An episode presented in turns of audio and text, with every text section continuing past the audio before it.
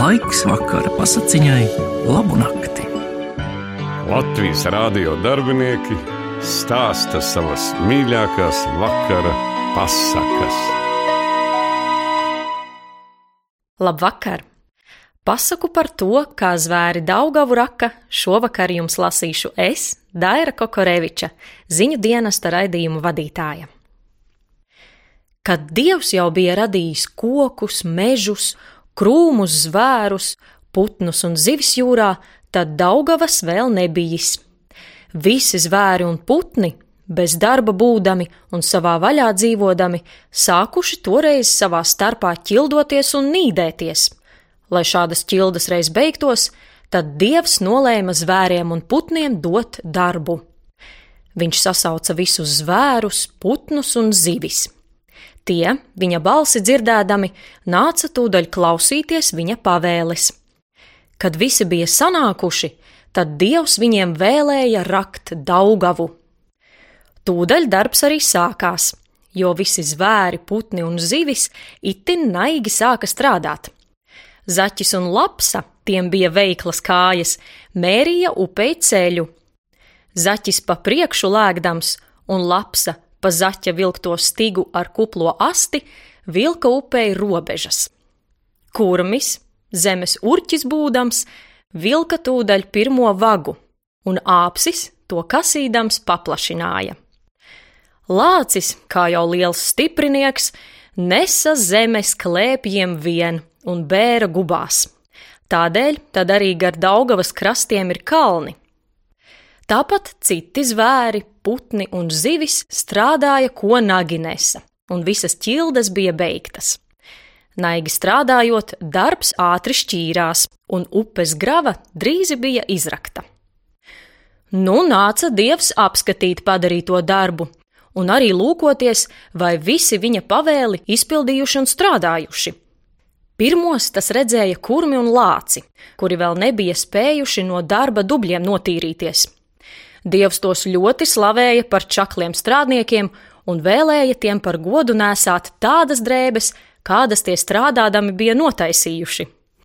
Vilkam, kurš daudz bija pūlējies ar purnu un kājām, tas arī atstāja tās uz mūžu melnas. Zosi un pīli arī dieviņš slavēja par čaklām strādniecēm un atvēlēja tām upē peldēt un mazgāties. Citiem putniem, kas arī strādājuši, bet ne tik čakli, dieviņš atvēlēja tikai dzert upes ūdeni. Dieviņš apskatīdamies, ieraudzīja lietus putniņu pa koku zariem lēkājam un svilpojam. Dieviņš viņam prasīja, kādēļ tas nesot strādājis kā citi putni.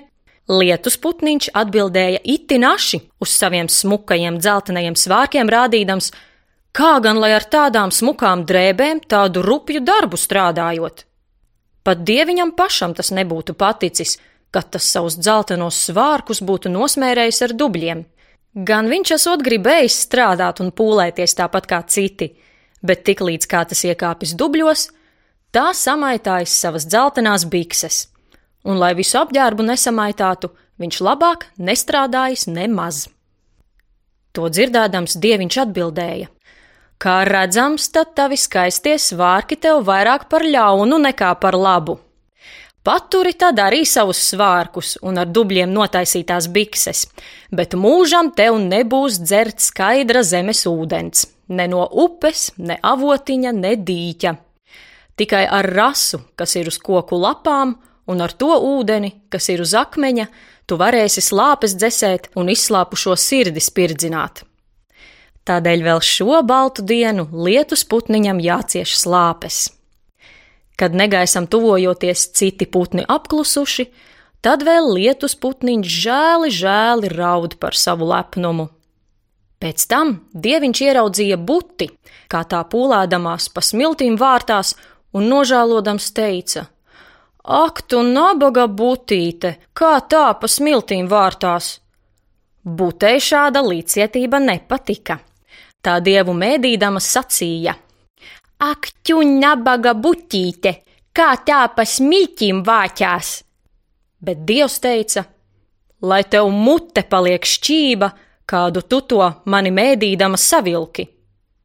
Tāpēc arī vēl tagad butei mute ir šķība. Dievs acis apkārt mezdams jautāja: Kur tad vēzis palicis, ka nemaz nav redzams?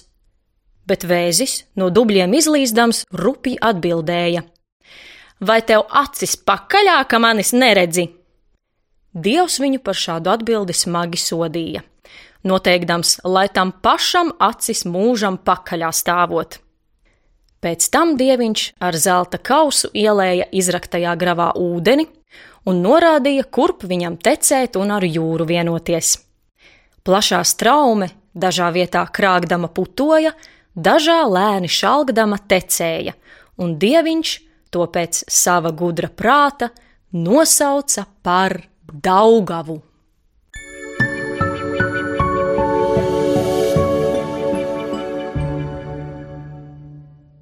Pasaku lasīju es, Daira Kokoreviča, ziņu dienesta raidījumu vadītāja.